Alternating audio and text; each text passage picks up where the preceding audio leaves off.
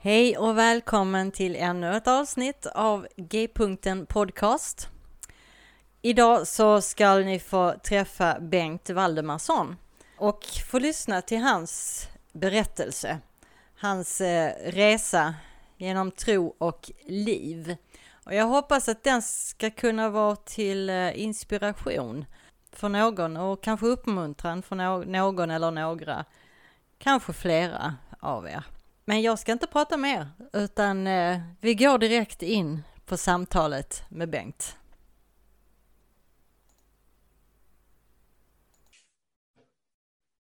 Välkommen Bengt till G-punkten. Tack. Eh, om det finns någon där ute av eh, våra lyssnare och så som inte vet vem du är, så kan du väl tala om lite om vem du är. Berätta vem du är, vad du gör, lite om din familj kanske. Lite så. Mm, jo men absolut. Eh, Bengt Valdemarsson heter jag alltså, är 56 år och bor sedan ett år tillbaka ungefär i Gävle. Eh, annars är jag född och uppvuxen i Karlskrona i, i Blekinge.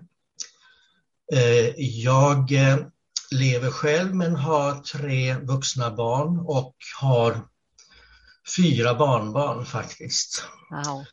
De, mina barn, de bor, några bor i Gävle och några bor i eh, Stockholm.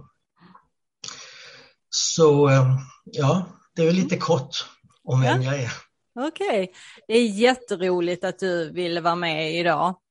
Eh, vi har ju eh, en historia ihop. ja, men precis. Vi träffades i, någon gång i ungdomen där eh, i en divisionsungdomskör i Skåne precis. på 80-talet. Mm. Kommer jag ihåg. Annars så, ja det var väl där vi, vi sågs typ. Jo men precis, jo men det måste det vara. Jag har ju då min, min bakgrund så att säga i Frälsningsarmén, nu är det mm. den, den kopplingen som, som, som vi, vi har till varandra. Ja, precis. Och eh, det, alltså jag kom ju ganska tidigt, jag är inte uppvuxen i ett kristet hem, men jag kom ganska tidigt i kontakt med, med, med Frälsningsarmén. Eh, min, min mamma tyckte mycket om att stå och lyssna på när Frälsningsarmén var ute och sjöng och då häng, fick jag hänga med och eh, Sen har jag alltid varit extremt musikintresserad så att eh, det började med att eh, jag lärde mig spela gitarr där, jag lärde mig att spela kornett där och eh, var med i scouterna och, och, och, och sådär. Och scout, på tal om kör, alltså Frälsis har ju varit duktig på det här med körer. För i min lilla eh, hemstad i Karlskrona så fanns det ett väldigt stort scoutarbete, jag tror det var cirka 60 scouter. Och, eh, och de scoutledarna som var där har de berättat senare att de hade egentligen en passion att, att jobba mer med juniorsoldater, juniorsoldat och mera eh, jag ska säga, mer andligt innehåll. Så, där. så att det blev väldigt mycket av det. De satsade jättemycket på andakter och och, eh, och sen hade de ju då en, vad de kallar för en scoutkör. Och det var ju ungefär någon mix på barn och ungdomskör.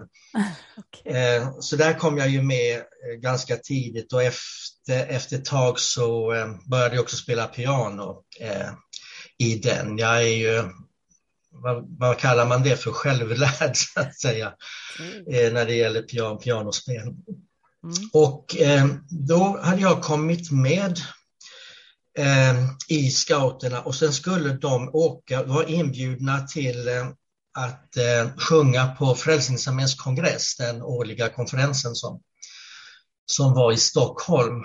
Och då hade jag, då hade jag precis eh, blivit scout. Så att det var liksom sådär på håret nästan att jag, eh, att jag fick följa med. Men jag fick följa med. Och vi var sjöng överallt, i Kungliga Tennishallen, i Kungsträdgården och överallt sådär. Och så var det ett möte där, jag tror inte att vi medverkade utan då satt vi bara och lyssnade och då kom en, en person som jag kände igen och hon, var, hon utbildade sig alltså till frälsningsofficer och gjorde praktik hemma i Karlskrona. Och då kom hon och så frågar hon, vill du bli frälst? Och det var ju lite svårt att säga nej till det. Så att hade, hade hon frågat att är du frälst? Då hade jag nog liksom dragit en liten vit lögn och sagt jo det är jag, eh, hej då ungefär. men nu ställde hon eh, frågan på det sättet som det gjorde att liksom, eh, nej men då sa jag, jo men det vill jag. Så i det, i det mötet då så bestämde jag mig för att, eh, för att bli en kristen och att följa Jesus. Mm. Så det var liksom startpunkten på, eh, på, mitt, på mitt kristna liv. Mm.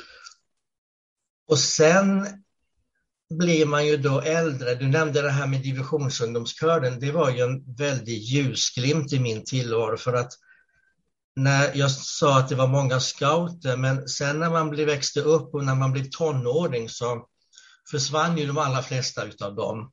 Mm. Och jag var ju stort sett ensam i min ålder eh, på Frälsningsarmén i, i Karlskrona. Och eftersom jag sjöng och spelade och var ung och såg trevligt ut förhoppningsvis, så blev jag väldigt pushad. Liksom. De tog gärna fram mig och eh, var några speciella sammanhang så ville man gärna att jag skulle sjunga någon solo eller, eller, eller sådär.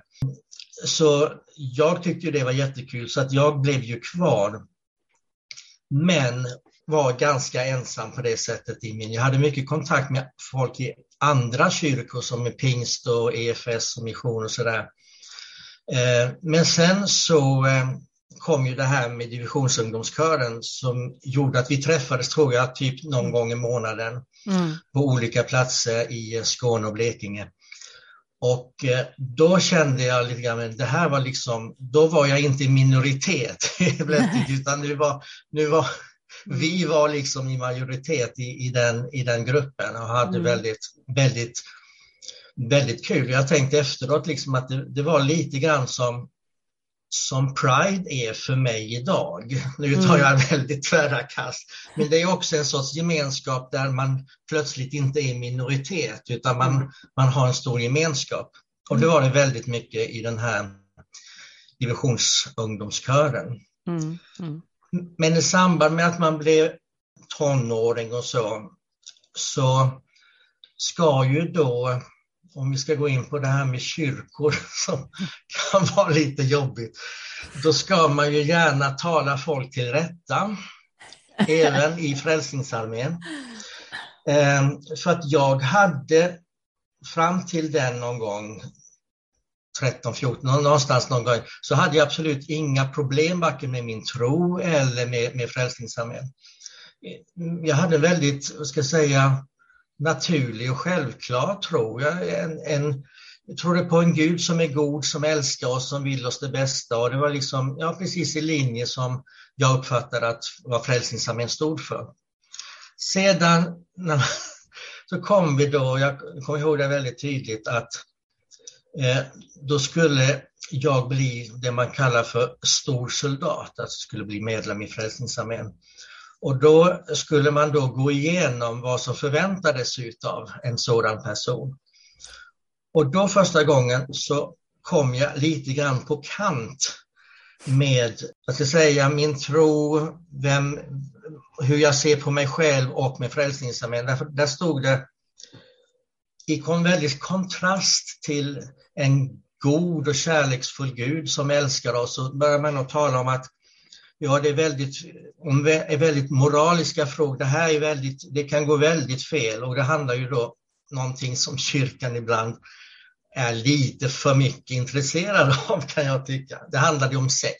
Och det kan gå väldigt fel och det kan vara väldigt farligt och det måste vara och det är, det är då bara mellan en man och kvinna inom äktenskapet och, och, och sådär. Och då blev jag så här, oj, jaha, för att jag insåg ju någonstans under den tiden att jag var ju mera attraherad eller intresserad av killar än jag egentligen var av tjejer. Så det blev liksom något Okej, okay, det och det stod också då ganska uttryckligt då mm. hur, hur fruktansvärt det var med homosexualitet och sådär. Och då blev jag liksom väldigt förvirrad så att i samband med det så la jag, jag skulle vilja säga, la jag väldigt mycket locket på. Mm. inte bara sexualiteten utan locket på vem jag egentligen är mm. som person och jag blev ganska skicklig. Det var till och med någon som påpekade det vid något tillfälle när jag medverkade i en gudstjänst att, att du sköter det så snyggt. att det, det, du ska göra, du går fram och du stör inte och du vet precis hur du ska göra. Ja, för jag blev, jag blev en ganska skicklig skådespelare mm. på, på, på, ett sätt. Att ja, men nu är det på det här sättet man ska bete sig, det är så här man ska tycka. Och, mm. Så jag inordnade mig väldigt mycket i, i den kulturen så att säga. Mm. Du blev alltså frälsningssoldaten då? Ja, det var en, det var en bra fråga. Ja, det ja, blev. Du blev invigd?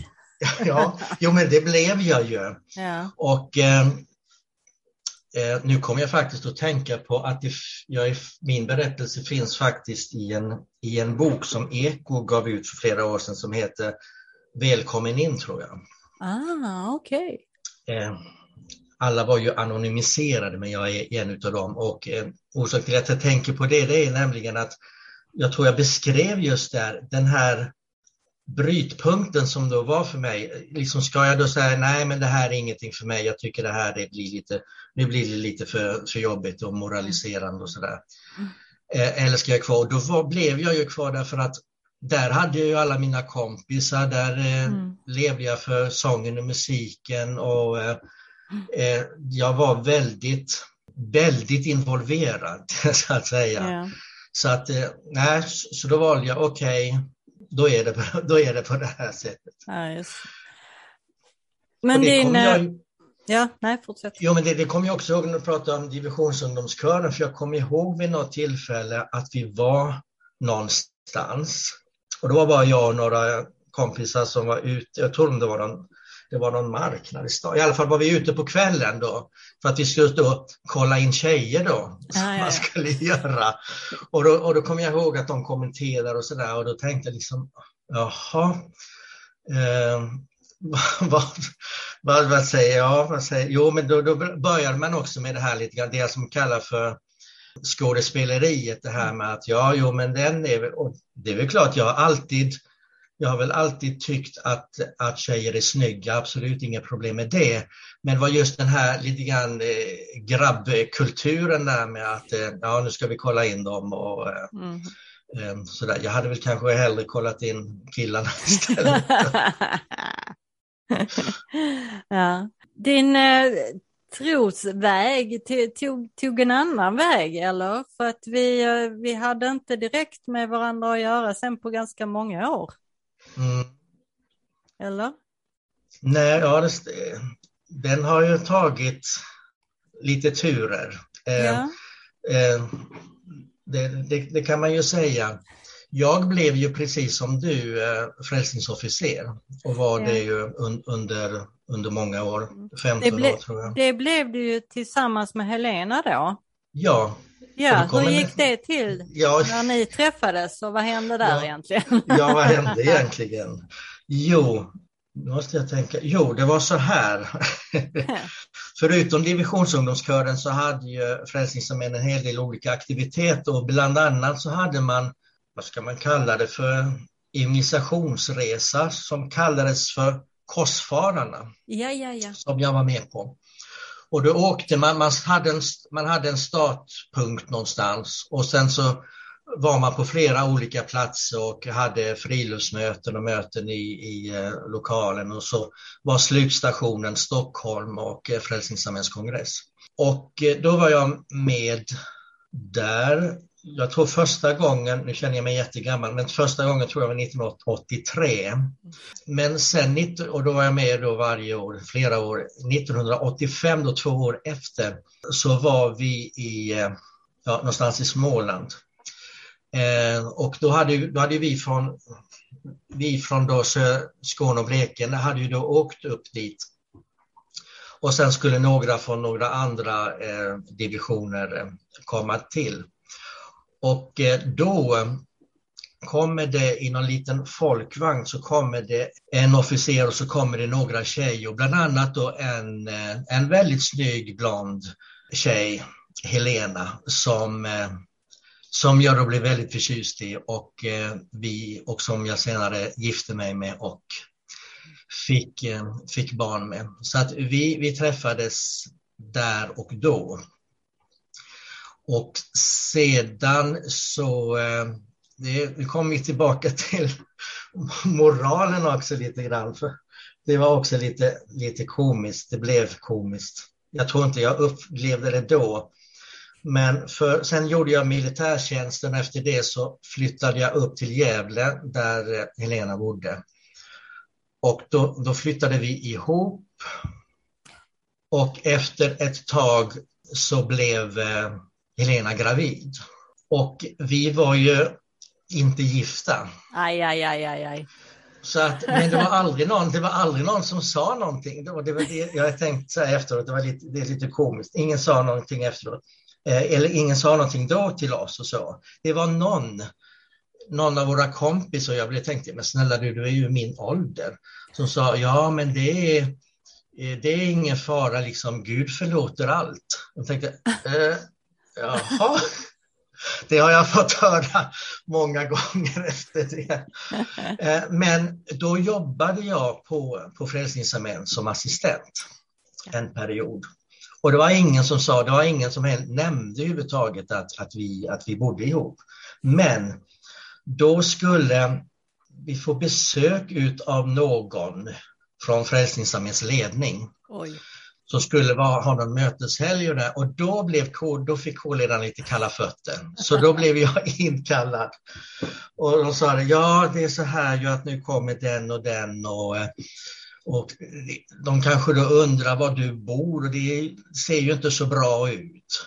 Så vi tänkte att under helgen så kunde Ja, förlåt, jag kan inte låta bli att Under helgen så tänkte vi att du kunde, ju, du kunde ju bo i sonens rum, för han hade liksom en egen ingång där.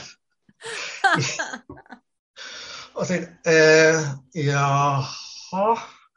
Men, så jag, men, men jag sa, ja men, och då förklarade jag liksom att ja, men vi planerar ju att gifta oss. Mm.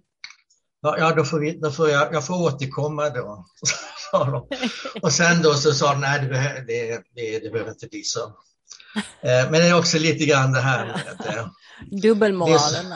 Ja, och det som jag lite grann idag vänder mig ganska skarpt emot, eh, framförallt frikyrkans moral, det är ju just detta, nämligen inget, inget, man har inte problem med någonting utom om det syns. Ja, just det. Det är likadant med unga tjejer som blev gravida och de fick inte vara kvar och så där, därför att det syntes mm. vad de hade gjort.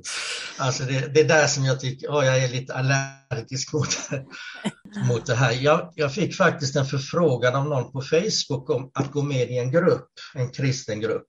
Ja, så, ja det kan väl göra, så jag skickade iväg en, en förfrågan där och så fick jag ett svar av någon som sa att vi kan tyvärr inte acceptera dig för att, för att vi ser att du förespråkar homosexualitet. Oj. Eh, så, ja, jag, jag, jag blev så paff. Liksom, ja, men hur, vi känner inte varandra. Hur jo, vi, vi tittade på din Facebook och du har tidigare använt en regnbåge på din profilbild. ja, det är bra ja. att man kan skratta åt det. Ja, det men, men, men, så kan det vara. Ja, just det. Nej, men så att, eh, nej men Helena och jag eh, var ju då officerare under, under ganska, jag tror nästan 15 år.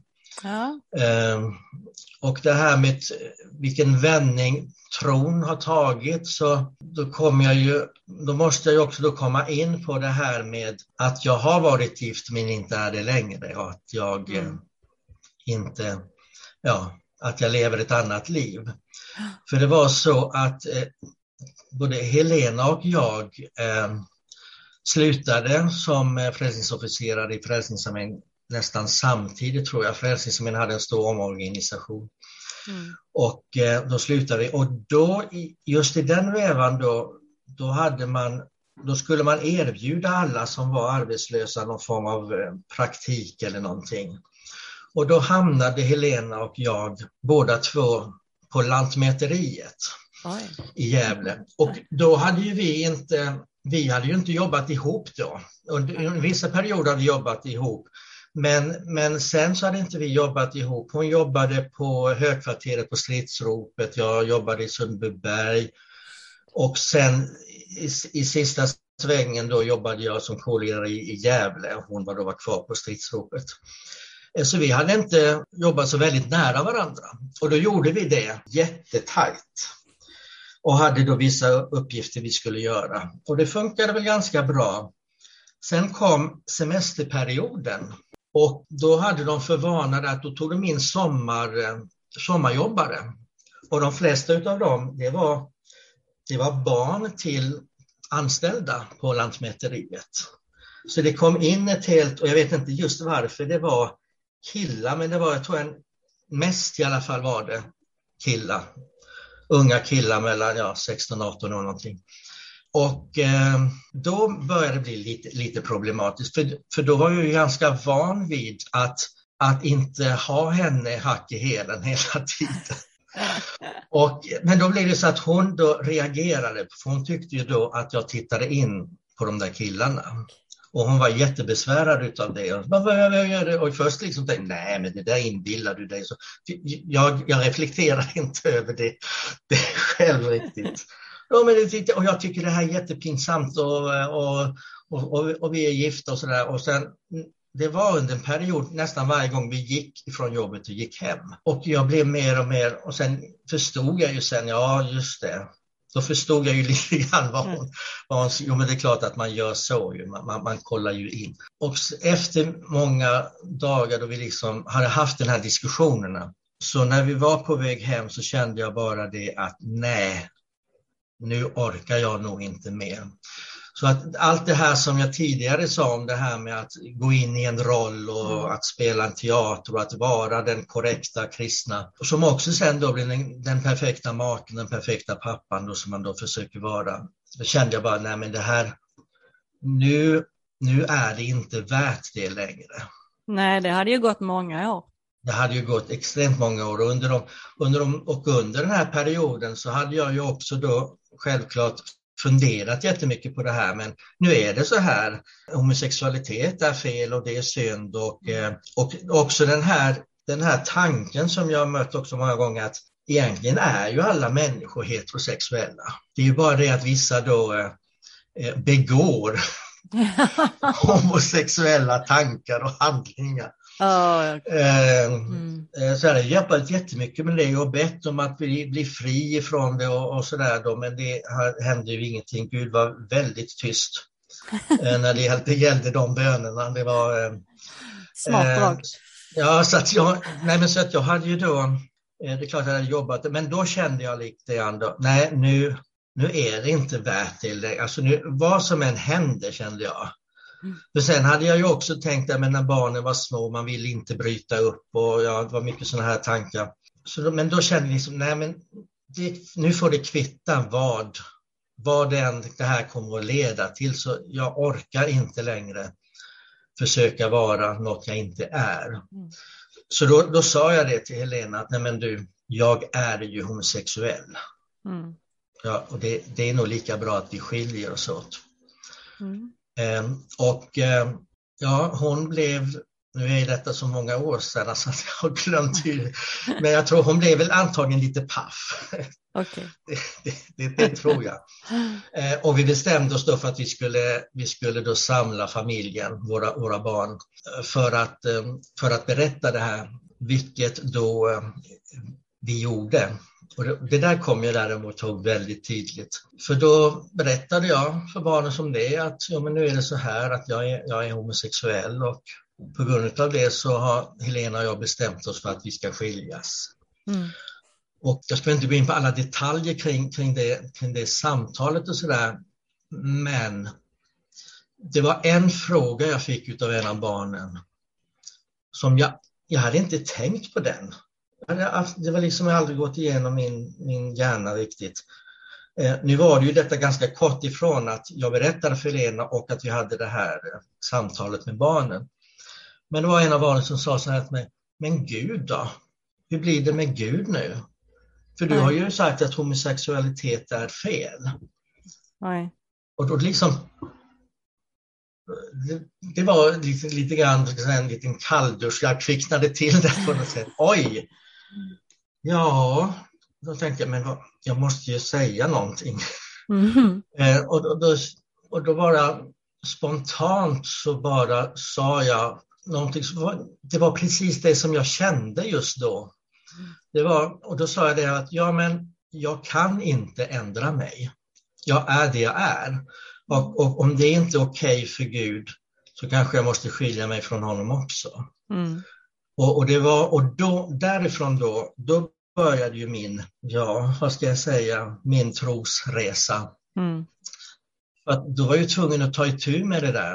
Mm. Vad tror jag på egentligen? Mm. Vad, vem är Gud? Hur är Gud? Vad, vad säger Bibeln egentligen och hur mm. ska jag hur ska jag läsa bibeltexterna? Och det, det var, det var fick, väldigt... Du fick mon montera ner alla de färdiga svaren? Ja, jag fick montera, och jag fick montera ner hela vägen ner ända till att jag kanske inte ska vara kristen längre. Mm, alltså det, mm. det, det, kom ner till den punkten att jag, nu måste jag, och en del i, de, i diskussioner kring kristen tro och homosexualitet hamnar ibland på att, att en del då säger ja, men man tar inte Bibeln på allvar och man, man mm. gör det lätt för sig och man eh, har eh, Bibeln som ett smörgåsbord och plockar vad man vill. Jag skulle säga att det är precis tvärtom, för att ja. som kristen och homosexuell så måste man verkligen gräva ner i, i bibeltext och i kristen tro och hur ska man, hur ska man få det till att gå ihop.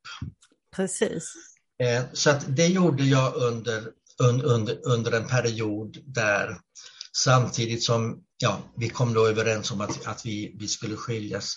Då lovade jag Helena att jag skulle vänta ett antal år innan vi liksom lämnade in papperna för det.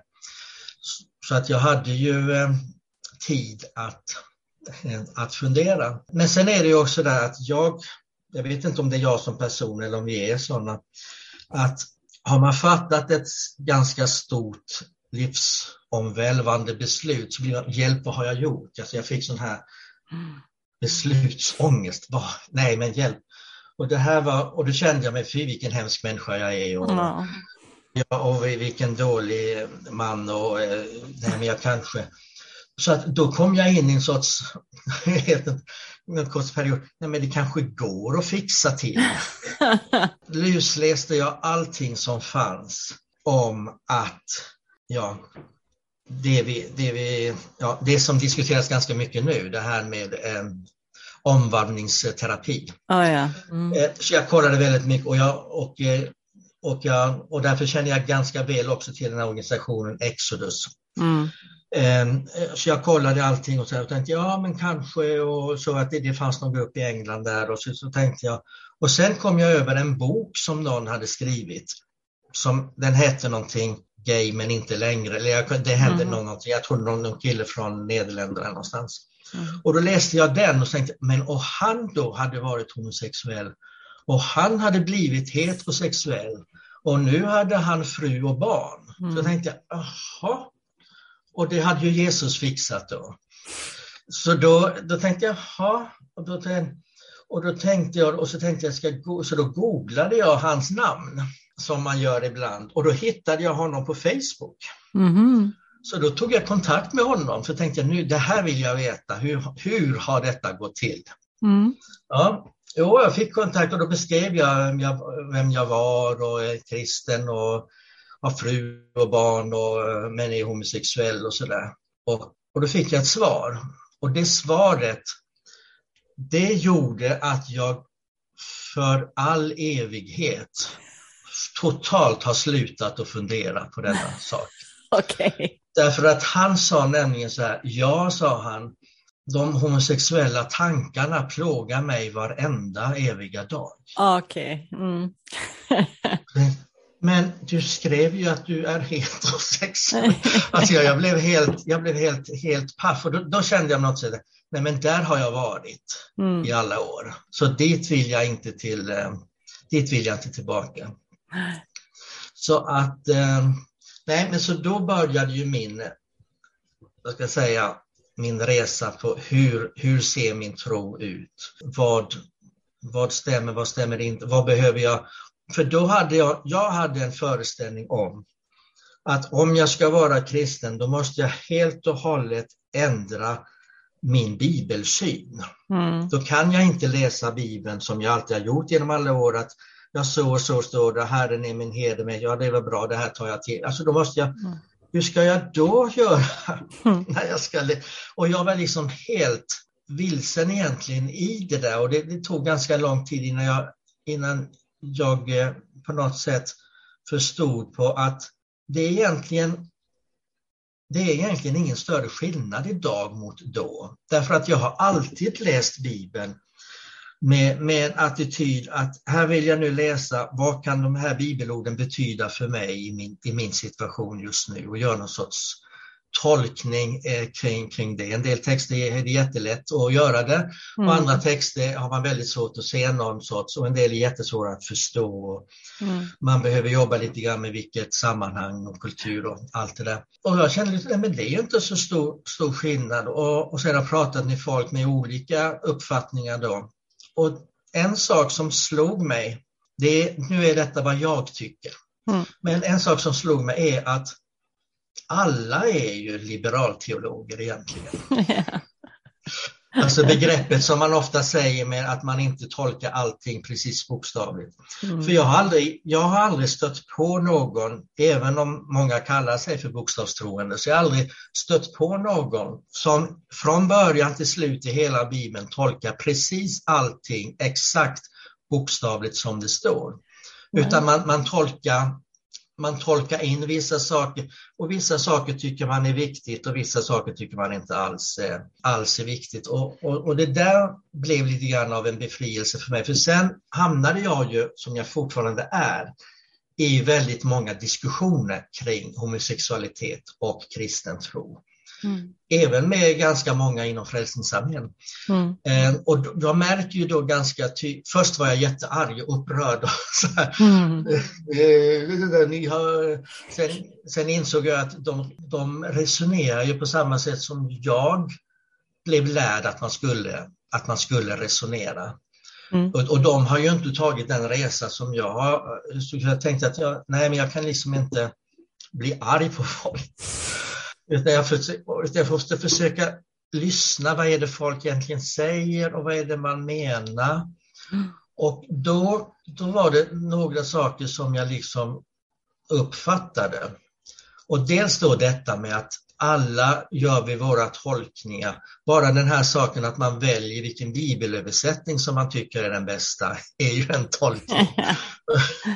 Eh, eh, och eh, och, en, en, ett, och ett, typexempel i det här området, vilket det är, vilket, och det är alldeles nyligen som jag stötte på en diskussion där detta blev väldigt tydligt. Det är nämligen det här att även om man nu försöker tolka in homosexualitet i Bibeln, vilket jag tycker inte att det finns, för att det står inte talas någonting om en kärleksrelation mellan två män eller två kvinnor. Nej. Men även om man då skulle tolka in eh, en del texter så är detta ingenting emot de klara och tydligare bibelställena som talar om skilsmässan. Så ska man vara liksom eh, konsekvent på något sätt så är man emot då samkönade äktenskap, då måste man samtidigt vara emot eh, möjligheten att få skiljas. Mm. Det liksom det blir ju, då måste ju det också kriminaliseras eh, i, i, i så fall. Och, och just det här exemplet som jag tänkte, där kom just den upp med en person som var väldigt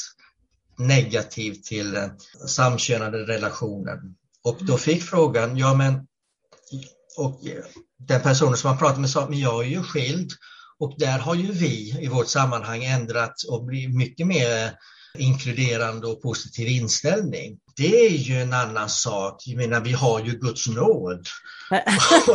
och då tänkte jag, jaha, är det mm. bara heterosexuella som har Guds nåd? Så där är ju... Mm. Eh, och sen också en annan sak som jag har lärt mig i de diskussionerna är att vi pratar, om, vi pratar förbi varandra mm. många gånger. För mång, jag, när jag pratar om homosexualitet så pra, talar jag ju någonting om eh, någonting som en del människor är. Alltså det, jag talar om en människosyn. Mm. För mig är inte frågan om homosexualitet en fråga om moral eller fråga om teologi, eller, utan för mig är det en fråga om en människosyn. Yeah. Eftersom en del människor är det. Medan då de som har negativ inställning eh, tänker oftast att homosexualitet är någonting som man gör och jämför det ibland då med ganska eh, horribla eh, Mm. exempel på helt andra saker då som mördare och pedofiler och Ja, andra saker. precis. Ehm, Så att det är några av de, eh, de lärdomar eh, som, som jag har tagit. Och eh, hur tycker du att ditt liv ter sig nu då, 2021? Hur långt har du kommit på den här eh, resan? Ja, jag har ju kommit en bit, eh, tycker jag. Ehm, Det var ju enklare förr, när allt var svartvitt. Ja, precis. När man visste, när man visste precis. Då hade, den Alltså- inte den, då hade inte den här podcasten behövts. Nej, nej men exakt. Nej men du vet, du vet själv hur det var liksom att Okej. Ställ vilken fråga som helst, absolut vilken fråga som helst, så ska jag ge dig det svaret vad, Mm. vad Gud säger eller vad Bibeln säger. Inga problem. Det där var ju på ett sätt enklare, även om det, även om det var väldigt skadligt och eh, väldigt farligt. Mm. eh, så var det ju ändå på något sätt enklare. nu är ju det då lite mer då eh, komplicerat men samtidigt mer ärligt. Mm. Att jag i en diskussion kan, kan säga att jag vet inte eller jag i en diskussion kan säga i det här så tycker vi lite olika och Mm. kommer fram till olika slutsatser. Jag har ju också varit, jag som person är ju väl, vad ska jag säga, jag är ju ganska intresserad av människor och gärna också då olikheter. Och det kan ju också skapa lite problem i kristna sammanhang. Liksom att man, jag har inget problem med folk som har annan tro eller annan kultur eller vad det är.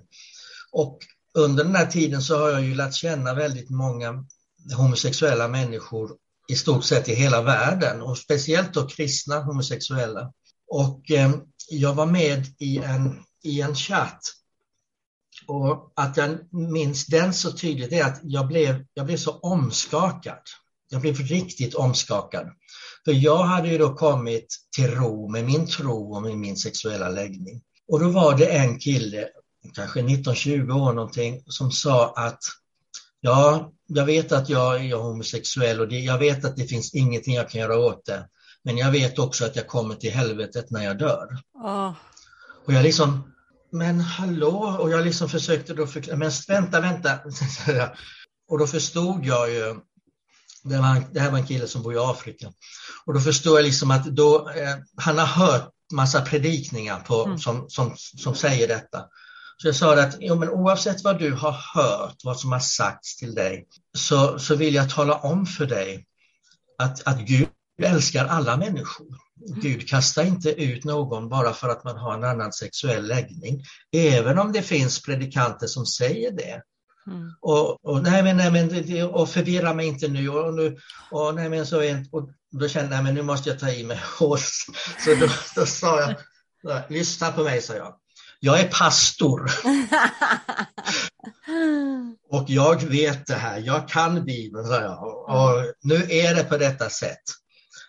Att Gud älskar alla människor. Jesus kom för att dö för alla människor. Det han gjorde på korset, det var inget halvdant jobb, utan det var komplett. Det var för alla människor. Och oavsett om det finns predikanter som säger någonting annat så ska du veta att det är inte den enda sanningen. Och, men samtidigt slutar med, oj nu blir jag förvirrad och jag blir så förvirrad och, och, och, eh, och jag blev så otroligt bedrövad utav, jag tänkte för hur många hur många människor är det inte som delar hans upplevelse och hur många är det också inte som mår psykiskt dåligt och kanske till och med tagit livet av sig på grund Mm. utav, eh, utav den eh, så att säga dåliga teologi som man, man får höra. Och, eh, I Sverige har det oftast varit så att, att homosexuella lämnar kyrkan när man Mm. kommer ut. Mm. Ofta om man, man flyttar till en större stad för att plugga eller någonting och så passar man på att eh, nu. Medan bland annat i Afrika och säkert i många andra kulturer, där är, där är det nästan omöjligt att liksom bara lämna kyrkan för att den, den, den är liksom allting. Hela släkten samlas, alla stora event där i, i, i kyrkan och så vidare. Så där är det oftast, nej, där får man liksom tiga och lida. Mm. Så att jag har blivit så här väldigt engagerad i, mm. i, i, den, i den frågan. Jag vet inte hur mycket du mer vill berätta om ditt liv just nu, men eh, hur eh, du lev, lever du tillsammans med någon? men det, det, blir det är den här, den här standardfrågan, är du singel eller? Ja, just det. Går du hit ofta? Du, du är väl gift Monica? ja, jag är det. Nej, men eh, ja, nu ska jag försöka bli seriös. Eh, jag, eh, det finns någon, nu måste jag försöka ge något kort svar, annars svamlar jag bara. Ja. Jo, jo det, finns, eh, det finns någon. Efter att jag kom ut så ville jag ju gärna finna kärleken. Mm. Och eh, har väl, ja, har väl dejtat ett antal personer och sådär. Och så, eh, jag vet inte om jag hinner, berätta historien om han som är för närvarande? Eh, Visst, berätt, annars, berätta du. Annars så... klipper. Ja. annars klipper jag. efter, ett ant, efter ett antal eh, besvikna eh, dejter så eh, gjorde jag väl som, som många andra, började använda några appar och försökte hitta och bland annat då så hittade jag en väldigt, till det yttre, väldigt attraktiv man. Och han var väldigt trevlig. Så vi började, då bodde han ju väldigt långt ifrån mig utomlands. Men vi fick lite, då, lite kontakt och han skickade bilder på sig och han, så, han var ju då eh, bodybuilder så han liksom, ja, han ville ju gärna visa upp sig. Och, och, så där, och vi hade kontakt och sådär. Men sen var det liksom vissa saker som blev så lite konstiga. Han var svår att få tag på ibland och när jag frågade sa han att ja, han hade ingen mobiltelefon utan han använde sin systers mobiltelefon. Och, och sen sa han, nej men nu så skulle han, nu skulle han ut på restaurang med sin syster. Och det, liksom, det var, jag kände på något sätt, nej men det är, det är någonting som inte riktigt stämmer här. Och, och då kollade jag, men var är han då ifrån? Jaha, så, så, jo men han är från Ghana. Och då tänkte jag, ja, men känner jag inte någon? Jo, då kom jag på att jag känner en från Ghana som eh, är hbtq-aktivister. Så då tog jag kontakt med honom och sa det att jag har kontakt med en kille här. Han bor i ditt land. Och jag bara, han, det, är så konstig, det är så konstiga saker. Han säger att han inte har någon mobiltelefon. Och, eh, liksom, att systern har en men inte han. Alltså jag fick inte riktigt det här. Eh, och då frågade han vilken, vilken stad bor han i? Ja, så jag vänta ska jag kolla.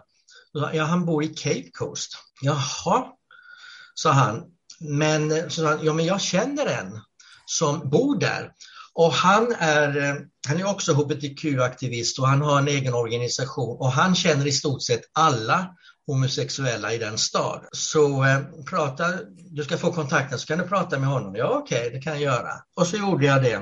Och eh, så fick vi kontakt med den killen, han hette då Emanuel. Och så började vi prata och så ställde han mig några frågor. Vad hette den? Så sa han, ja men sa han, men vi har ingen restaurang som heter så här. Och, liksom, och, och, så, så, och så började och jag hade kollat in honom på Facebook var ganska övertygad om att han var i en relation. Så jag tänkte ingenting på så att det skulle vara någonting med honom då. Utan och vi pratade, och prat, nej men så han, ja, men jag, tyck, jag tycker inte du ska ha någon kontakt med honom. Så här, ta, ha ingen, sluta ha någon kontakt, kan du lova mig det? Så han var väldigt på så. Och sen sa han, by the way, jag är singel. och han då är ju den då som jag fortfarande har kvar, så att säga, Emanuel som bor, bor i Ghana. Mm. Så, vi, så vi har, vi har kontakt. I början alltså hade vi videosamtal tror jag flera gånger om dagen. Mm. Och han var otroligt charmig eh, kille på, på allt sätt. Eh, och så, där, så det var ju väldigt lätt att falla dit så att säga. Mm. Och eh, vi hade kontakt under, under, flera, under flera år. Och sen då är ju det inte så lätt att träffas med det avståndet. Nej. Men eh, genom sitt jobb då som aktivist så var han inbjuden till eh, Pride i Amsterdam. Mm. Och i och med att han då fick visum dit så fick han då visum till hela Schengenområdet. Mm. Och eh, så då skulle han kunna, det är bara problemet var bara det att en liten detalj i detta var att jag hade gjort slut då. För det var nämligen så att med avståndet med, eh, med liksom de här eh, problemen som var, och jag är ju som person ganska, har lätt för att bli svartsjuk och lätt för att mm. bli misstänksam och sådär och det funkar inte speciellt bra i ett långdistansförhållande där man liksom har noll koll på vad som, mm. vad, vad som händer och ibland han inte svarar. Och alltså det, det var, ja, men jag tyckte det blev så jättejobbigt. Och han visste inte om han kunde komma så att, eh, nej men så då, eh, då, då, då, då gjorde jag slut och sen då så eh, var jag, det var i samband med Stockholm Pride som då avslutas med en stor mässa i Storkyrkan, Kärlekens mässa.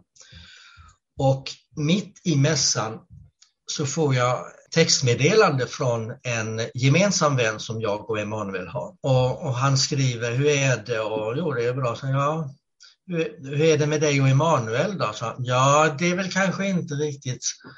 Och sa han att, eh, så han, jo, han, eh, jag är hos honom nu i Amsterdam. Jaha, okej, okay. ja, jag är, också, är du också på Pride? Ja, det är. Och eh, han är väldigt ledsen och, jag liksom, och, och då hade vi, vi hade inte haft mycket till, mycket, mycket till kontakt. Så, ja men vadå? Men, men, men vad, vadå ledsen? Så, ja men eh, vänta, vänta ska du få prata med honom och, och sen så kommer han tillbaka. Nej men han är på toaletten och gråter. Han, han, han kan inte... Men vad, vad är det här? Jag liksom tänkte, vad är det som händer? Så mitt i den där mässan mm. så fick jag då till slut kontakt med, med, med Emanuel som sa, åh, så han kan inte komma till Amsterdam. Så, men, men snälla, vi gjorde ju, vi gjorde ju liksom, eh, vi gjorde ju liksom slut och sen hade vi, jag var ju tvungen att lämna mässan där för att reda ut det här. Ja, eh, och så pratade vi och, eh, och försökte reda ut det där och sa, nej men alltså det, det blir väldigt svårt för mig så att, att kunna, kunna och, och jag vet inte hur länge det och han skulle inte stanna så länge till och så där då. Eh, men då så eh, så men du kan ju komma hit, sa jag, du kan ju komma hit, men då var han tvungen att åka tillbaka till Ghana för att rapportera sitt arbete och sen skulle han då komma hit, vilket då han, han gjorde.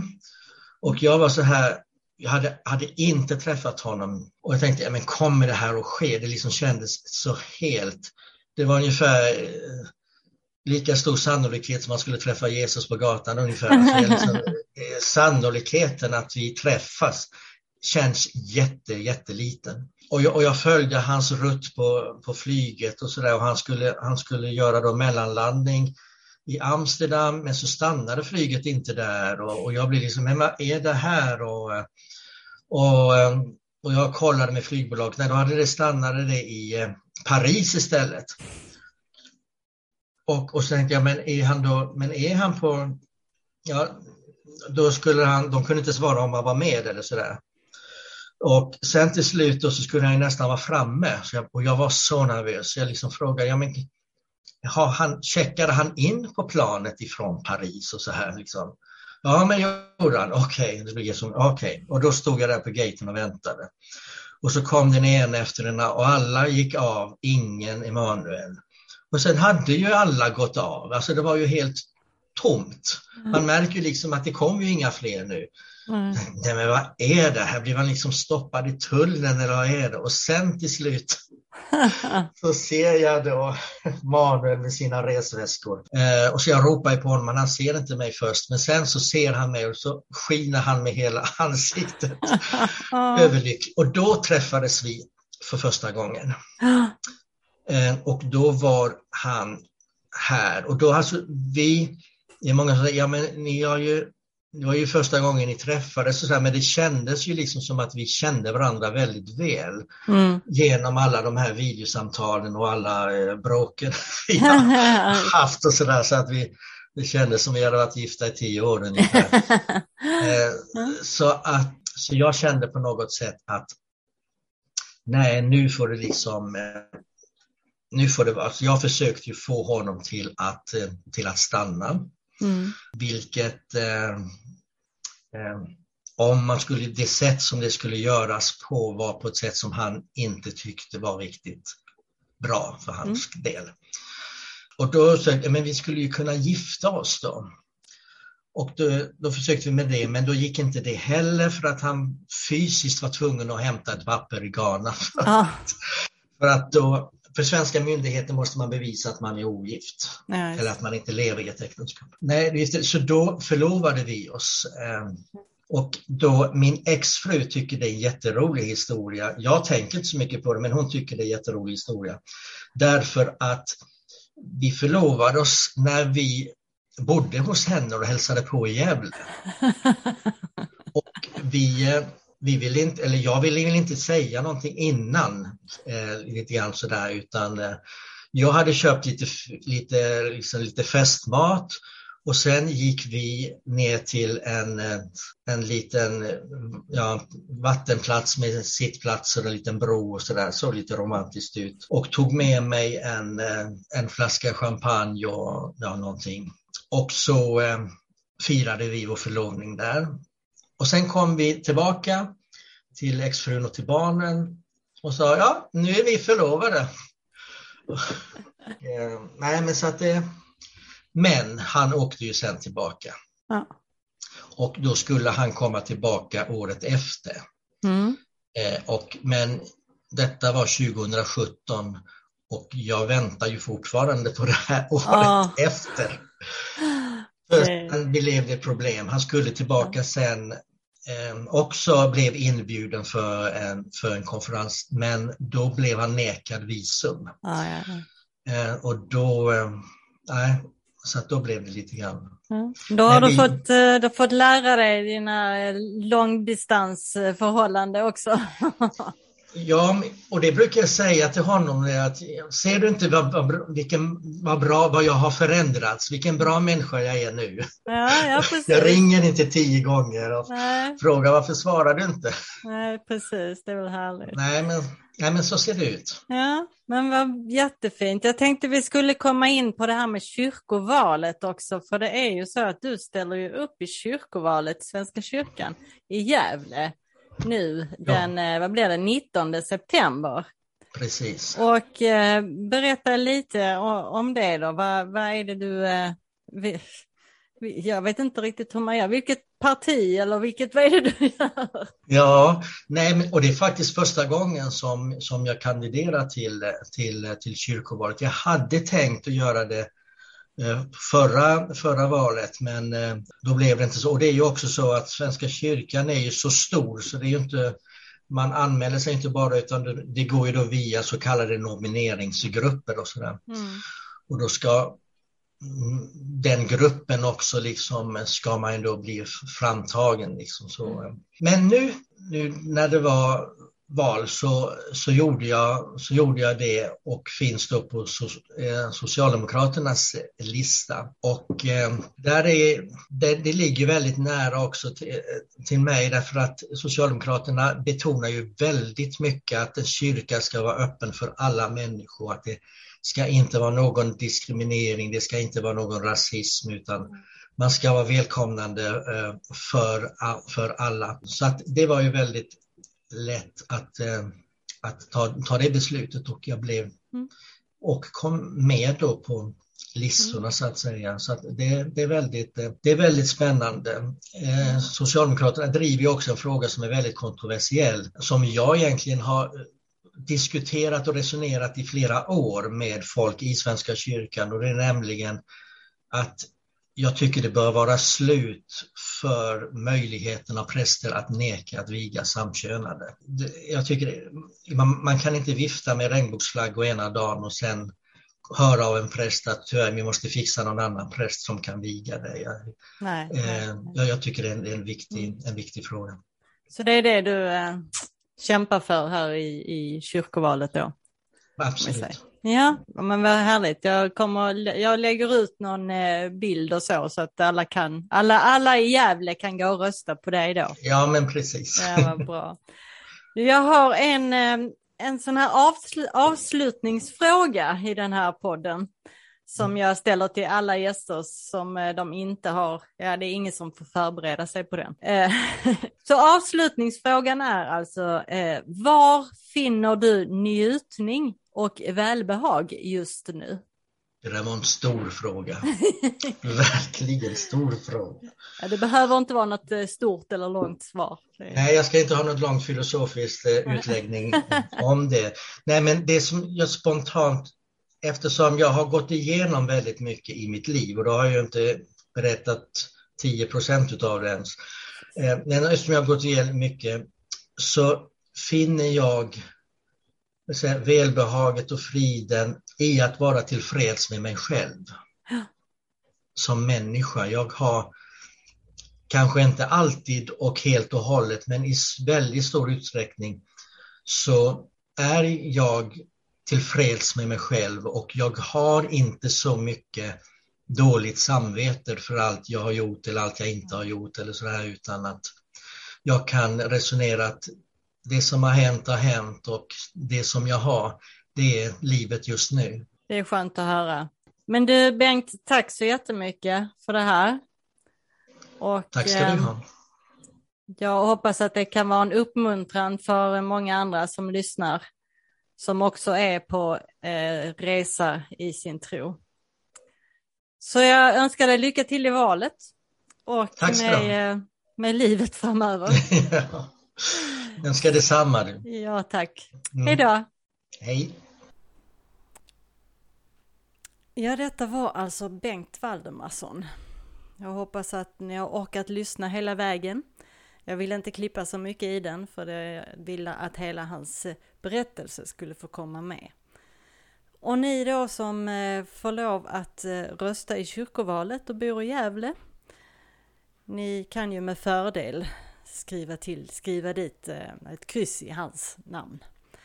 Nästa vecka så kommer ett nytt spännande avsnitt av podcasten så jag hoppas att eh, ni vill vara med då och lyssna. Tack så mycket för idag. Grace and peace my friends.